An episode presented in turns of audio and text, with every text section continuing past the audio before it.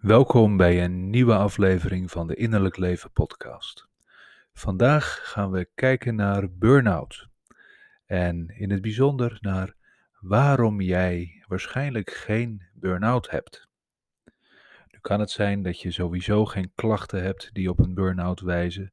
Dan kun je deze aflevering misschien wel overslaan. Het kan ook zijn dat je in het verleden een periode van burn-out hebt gehad en dat je dus eigenlijk wel herkenning vindt in dat woord. Maar het kan ook zijn dat je op dit moment topt met klachten van overbelasting of stress en vermoeidheid, waardoor het idee van een burn-out wel eens door je hoofd gaat. En misschien denk je er dan ook al over na. Wanneer is iets eigenlijk een burn-out? Welke gevolgen heeft dat voor mij, voor mijn werk? Hoe lang duurt dat? Hoe weet ik het wanneer ik echt in de gevarenzone zit? En wat moet ik er over het algemeen gesproken eigenlijk mee? De titel heb ik vandaag ook bewust gekozen als waarom jij geen burn-out hebt. Ik ben er namelijk van overtuigd dat misschien wel zes of zeven van de tien mensen die zichzelf identificeren met een burn-out. Soms kunnen mensen dat heel makkelijk zeggen. Hè? Ik heb zoveel jaar geleden een burn-out gehad. Of mijn man of mijn vrouw heeft een burn-out gehad. En iedereen begrijpt meteen wat er bedoeld wordt. Periode waarin iemands leven overhoop ligt, waarin er gezondheidsklachten zijn, waarin je serieus op je gezondheid en op je tellen moet passen.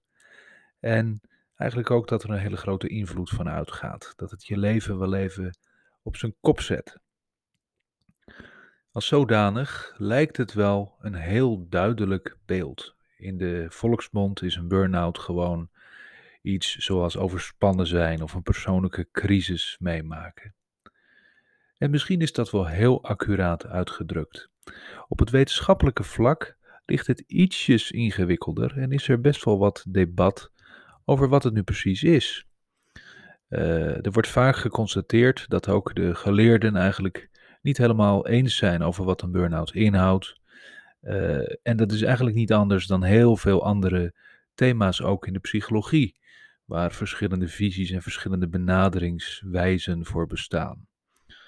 Uh, als het om burn-out gaat, zou je kunnen zeggen dat vriend en vijand er wel over eens zijn dat het om een uitputting, uitputtingstoestand gaat, met name op het mentale vlak. Uh, en het debat wat er verder is, gaat vooral over de ernst van de klachten en over de aard van de klachten. Voor de gemiddelde Nederlander is dat echter niet zo ingewikkeld. Een burn-out is gewoon een burn-out. En iedereen heeft daar meteen wel een gevoel bij wat je daarmee bedoelt. Toch denk ik dat het heel vaak een woord is wat niet de lading dekt. Op een of andere manier is het makkelijk om je te identificeren met het woord burn-out. Het is weliswaar Engels, maar het suggereert iets van opgebrand zijn. Nou, dat doet wel recht aan de conditie, de toestand waar je dan in bent. Opgebrand zijn suggereert toch ook dat er wel een vuurtje in zit, of gebrand heeft, en wat dan tijdelijk misschien wat, wat, wat, wat smeult of wat afwezig is. Maar het klinkt op zichzelf nog best wel krachtig. Het gaat over vuur en je bent opgebrand. Uh, het is een beeld wat iedereen makkelijk kan begrijpen, want wie kent dat nou niet om opgebrand te voelen of leeggelopen te voelen? al is het maar voor een paar uur of voor een paar dagen. Het lijkt ook wel alsof de schaamte die mensen vaak hebben om te zeggen: Ik heb een depressie of ik heb een verslaving en daar ben ik voor in therapie geweest. Die schaamte voelen mensen niet zo heel sterk, is mijn indruk, wanneer ze praten over een burn-out. Want een burn-out, daarvan weten we inmiddels, dat kan de beste overkomen. En misschien juist wel mensen die een hoog streefniveau hebben, heel goed presteren bepaalt niet passen bij het stereotype beeld. Ik benadruk stereotype, hè, want zo zit het niet per se in mijn hoofd. Niet het stereotype beeld van de GGZ-patiënt die jarenlang topt met allerlei klachten. Nee, burn-outs is ook helemaal geoorloofd bij succesvolle mensen. Die even te hard zijn gegroeid met hun bedrijf of even zijn vergeten om op hun grenzen te passen. Die mensen kunnen ook geraakt worden door een burn-out. En op een bepaalde manier lijkt het alsof dat de term wat makkelijker maakt om te gebruiken. De hele spraakverwarring rondom het begrip burn-out wordt daar natuurlijk niet kleiner van. Want hoe vaak zitten wij in ons leven bij een arts of bedrijfsarts of psycholoog? En hoe vaak praten we gewoon met normale mensen in privécontacten over hoe het met ons gaat en wat er in ons leven gebeurd is. En dan kan zo'n woord als een burn-out zomaar langskomen. Alleen het is dan heel aspecifiek. En dat is misschien ook wel de bedoeling, want als je het over een burn-out hebt, dan gaat niemand vervolgens vragen: Oh, was je dan ook angstig? Had je dan ook last van depressiviteit? Of had je bijzondere lichamelijke klachten? Eigenlijk wel de belangrijkste vragen die vaak in een hulpverlenings- of coachingscontext gevraagd worden aan degene die burn-out klachten ervaart. Maar in het dagelijks spraakgebruik kun je gewoon volstaan met de mededeling dat je een burn-out hebt gehad. Hoe zit dat nou precies? Wat is een burn-out? Nou, ik zal het heel simpel maken. Alle meningsverschillen daarover even latend voor wat het is. Vaak is het belangrijk uh, bij een burn-out dat iemand echt uh, zich meldt met een toestand van crisis. Het gaat niet meer. Er zijn vermoeidheidsklachten, stressklachten, lichamelijke klachten. Of er is een beeld wat eigenlijk helemaal niet valt te duiden op dat moment, maar waarvan in ieder geval duidelijk is: die man of die vrouw moet even niet werken en die heeft even rust nodig. Nou, dat is vaak ook wat er gebeurt wanneer mensen zich bijvoorbeeld op het spreekuur van de huisarts melden met een burn-out of met overspannenheid. Veelal is de diagnostiek in het begin nog niet zo heel erg helder. Luistert een arts gewoon naar het totale plaatje en hoef je eigenlijk ook geen geneeskunde gestudeerd te hebben om te begrijpen dat het best goed is om even een week thuis te blijven van werk en even aan te kijken hoe het gaat even tot rust te komen en dan wat meer overzicht in de dingen te krijgen. De belangrijkste boodschap is in die fase vaak: neem het serieus en ga er niet nogmaals overheen lopen, want natuurlijk bestaat al lang het vermoeden dat iemand die deze klachten krijgt al heel lang bezig is met roofbouw op zichzelf te plegen, of eigenlijk zijn of haar grenzen kwijt te zijn. Maar goed, na die eerste fase van serieus nemen en misschien even wat rustiger aandoen, uh, komt er toch een moment dat er gedifferentieerd moet worden. Wat is het nou eigenlijk? Is het wel een burn-out of overspannenheid? Of is het misschien een psychische of een lichamelijke klacht die we beter moeten gaan uitzoeken en behandelen? Nou, daarvoor wordt vaak een onderscheid gemaakt tussen de groep symptomen en verschijnselen die hoort bij angst en angststoornissen. Eh, de groep verschijnselen die past bij depressiviteit.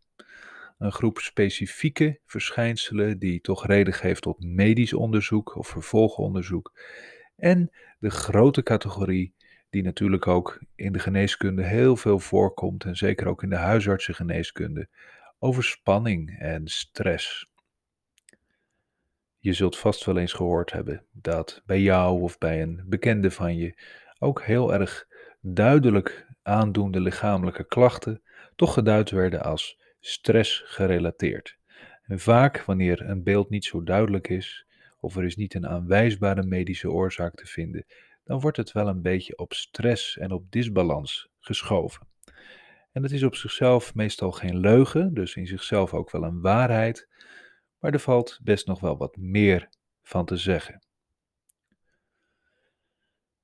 Allereerst, als het dus zo is dat er een beeld is waarbij mensen zich ziek voelen of niet meer verder kunnen, omdat eigenlijk hun lichaam aan de handrem trekt, dan maakt het misschien nog niet eens zo heel veel uit welke specifieke vorm van klachten daar dan speelt, maar allereerst uit het lichaam en uit de geest dus een status van disbalans. En het is een goede manier om eigenlijk ook te bedenken dat wanneer je klachten krijgt, je natuurlijk kunt bedenken, nou er is iets stuk, er moet iets gerepareerd worden, ik wil er vanaf. Maar een wat meer holistische of integratieve blik hierop is ook, wat probeert mijn lichaam eigenlijk te vertellen? Kan het zijn dat die klachten of die breakdown die ik nu ervaar, een manier is van mijn lichaam om in te grijpen en weer in evenwicht te komen? Nou, dat is denk ik niet wat je wilt horen wanneer je voelt dat je klachten ontwikkelt. Je bent vooral bezig met uh, gaan met de banaan en niet te lang eruit moeten en zorgen dat je het snel weer onder controle hebt. Maar in heel veel gevallen is bij een burn-out-achtig beeld wel dit aan de hand. Dat er een onevenwichtige toestand is ontstaan die jarenlang voortduurt en waar eigenlijk het lichaam ingrijpt. En die burn-out is dan eigenlijk geen vijand die je leven in de weg zit en je carrière in de weg zit, maar juist een vriend die van binnenuit probeert om de orde te herstellen en het evenwicht te herstellen. In dat proces ontstaan er natuurlijk wel allerlei fricties en klachten en die kunnen heel veel verschillende uitingsvormen met zich meebrengen. En daarom is burn-out ook wel een wat aspecifiek beeld. Er kunnen psychische componenten, emotionele componenten, puur lichamelijke spanningsklachten bijkomen, maar ook allerlei vage verschijnselen die op zichzelf eigenlijk geen enkel etiketje waard zijn. Ze komen er gewoon bij en ze komen op de grote hoop. En het is ook in dat beeld dat in de DSM, de diagnostische bijbel voor psychiaters en psychologen, burn-out als zodanig niet bestaat, maar valt onder de somatoforme stoornissen. Dus dat is een groep van klachtenbeelden die gaan over een toestand waarin het lichaam eigenlijk een stukje van de geestelijke disbalans of de geestelijke blokkade laat zien. En in die groep stoornissen is een burn-out dan een behoorlijk breed en aspecifiek beeld. Waarom jij geen burn-out hebt, is ook een reden om te zeggen: wat is er nu eigenlijk wel aan de hand? Wat wil dat lichaam vertellen door jou in een crisis te brengen? En daarvoor kun je denk ik het beste kijken naar burn-out als een crisisbeeld, wat in ieder geval heftig genoeg is om je aandacht te vragen. Je kunt je voorstellen dat niemand gemakkelijk met het idee van een burn-out of van drie tot vijf maanden werkziekte omgaat. Het heeft altijd een grote impact. Het is niet vrijblijvend, je moet er wat mee. En als je dat zelf niet wilt, dan is het vaak wel de bedrijfsarts die zegt: Ja, maar wacht eens even. Je kan niet zomaar thuis zitten totdat het voorbij gaat of op je bed blijven liggen. Uh, ga je maar eens melden bij een psycholoog of bij een haptotherapeut of bij een coach of bij een burn-out centrum. Nou, dat is precies ook de dwingende kracht die een burn-out als persoonlijke crisis ook wel kan hebben in je leven. Want het is eigenlijk niet geoorloofd om die burn-out gewoon maar te laten rommelen. Je zult wel vroeg of laat, en liefst vroeg, iets eraan moeten doen en waarschijnlijk ook willen doen. En dit is wat mij betreft precies waar het leuk wordt. Dus je hebt erkend dat er in je leven iets speelt wat een crisis geeft. Je weet nog niet wat, maar je voelt wel van alles aan je lichaam. Je voelt ook dat het serieus en groot genoeg is om wat aan te doen. En vervolgens is de vraag: wat dan? Nou, de allereerste tip die ik hierbij heb, is dat het een heel goed idee is om te gaan luisteren naar die burn-out. Dus zie hem niet als een vijand, maar als een vriend. En ik begrijp dat ik dat nu heel makkelijk kan zeggen. Ik voel me hartstikke fit, heb ook nooit een burn-out gehad. Maar dit is denk ik wel de essentie van goed burn-out beleid. Nadat je een beetje rust hebt genomen, is toch echt de vraag: wat komt er nu naar buiten? Wat wil zich gaan uiten? Wat wil hier onder de aandacht komen? En in mijn ervaring is het zo dat een burn-out te vaak uh, kwantitatief wordt benaderd. Dus er wordt gezegd dat je te hard hebt gewerkt, te weinig balans hebt gehad, te veel stress of te veel energie hebt uitgegeven, bijvoorbeeld. En dat zijn op zichzelf geen leugens, maar dat is eigenlijk een beetje hetzelfde als mensen aspecifiek vertellen: dit komt door de stress. Waarvan dan die stress? Met stress of overbelasting alleen weet je eigenlijk nog niks. En het is dus in mijn ervaring veel beter om hier specifieker naar te kijken. En het is heel vaak zo dat achter of onder zo'n burn-out of zo'n gezondheidscrisis en zo'n persoonlijke crisis waar je in komt, een ander proces gaande is. En dat wordt zichtbaar nu je die klachten ontwikkelt. Nu kun je er niet langer omheen. Wat zijn dat bijvoorbeeld voor dingen? Nou, allereerst zou ik willen wijzen op specifieke innerlijke of emotionele conflicten. Ik zeg dus nadrukkelijk niet psychisch. Dat woord is toch een beetje gekleurd door de psychologie van de gezondheid en ziekte. Nee, gewoon emoties, zoals we die allemaal hebben. Het kan zijn dat er een innerlijk conflict in jou huist. Bijvoorbeeld dat je als ondernemer een mooi bedrijf uit de grond hebt gestampt, maar je worstelt eigenlijk met dat je altijd te veel moet geven, te weinig terugkrijgt van je klanten of van je personeel. En daardoor sluimert de onvrede. En die onvrede is eigenlijk heel logisch, want die wil gewoon jou duidelijk maken dat je dat anders moet gaan doen. Maar ja, de, de, de, schoorsteen moet ook roken, dus je gaat maar door en door en door en je grijpt niet in. Nou, dan kan het zijn dat zo'n emotioneel conflict eigenlijk van binnen gaat branden en gaat schuren. En als zodanig ook onder of achter een burn-out zit. Emoties zijn ook energie. En zeker verstopte emoties en emotionele conflicten of traumaschokken die eigenlijk nog voortdurend in je systeem blijven zitten, die komen vroeg of laat een keer naar buiten. En vaak komt dat op een moment dat het niet eens zo slecht met je gaat, maar misschien juist wel goed en je heel veel gegeven hebt, veel bereikt hebt. Dus emotionele conflicten, specifieke emotionele conflicten, zou ik altijd naar kijken. Ook dingen die je zelf misschien beoordeelt als een onderdeel van je karakter of je persoonlijkheid.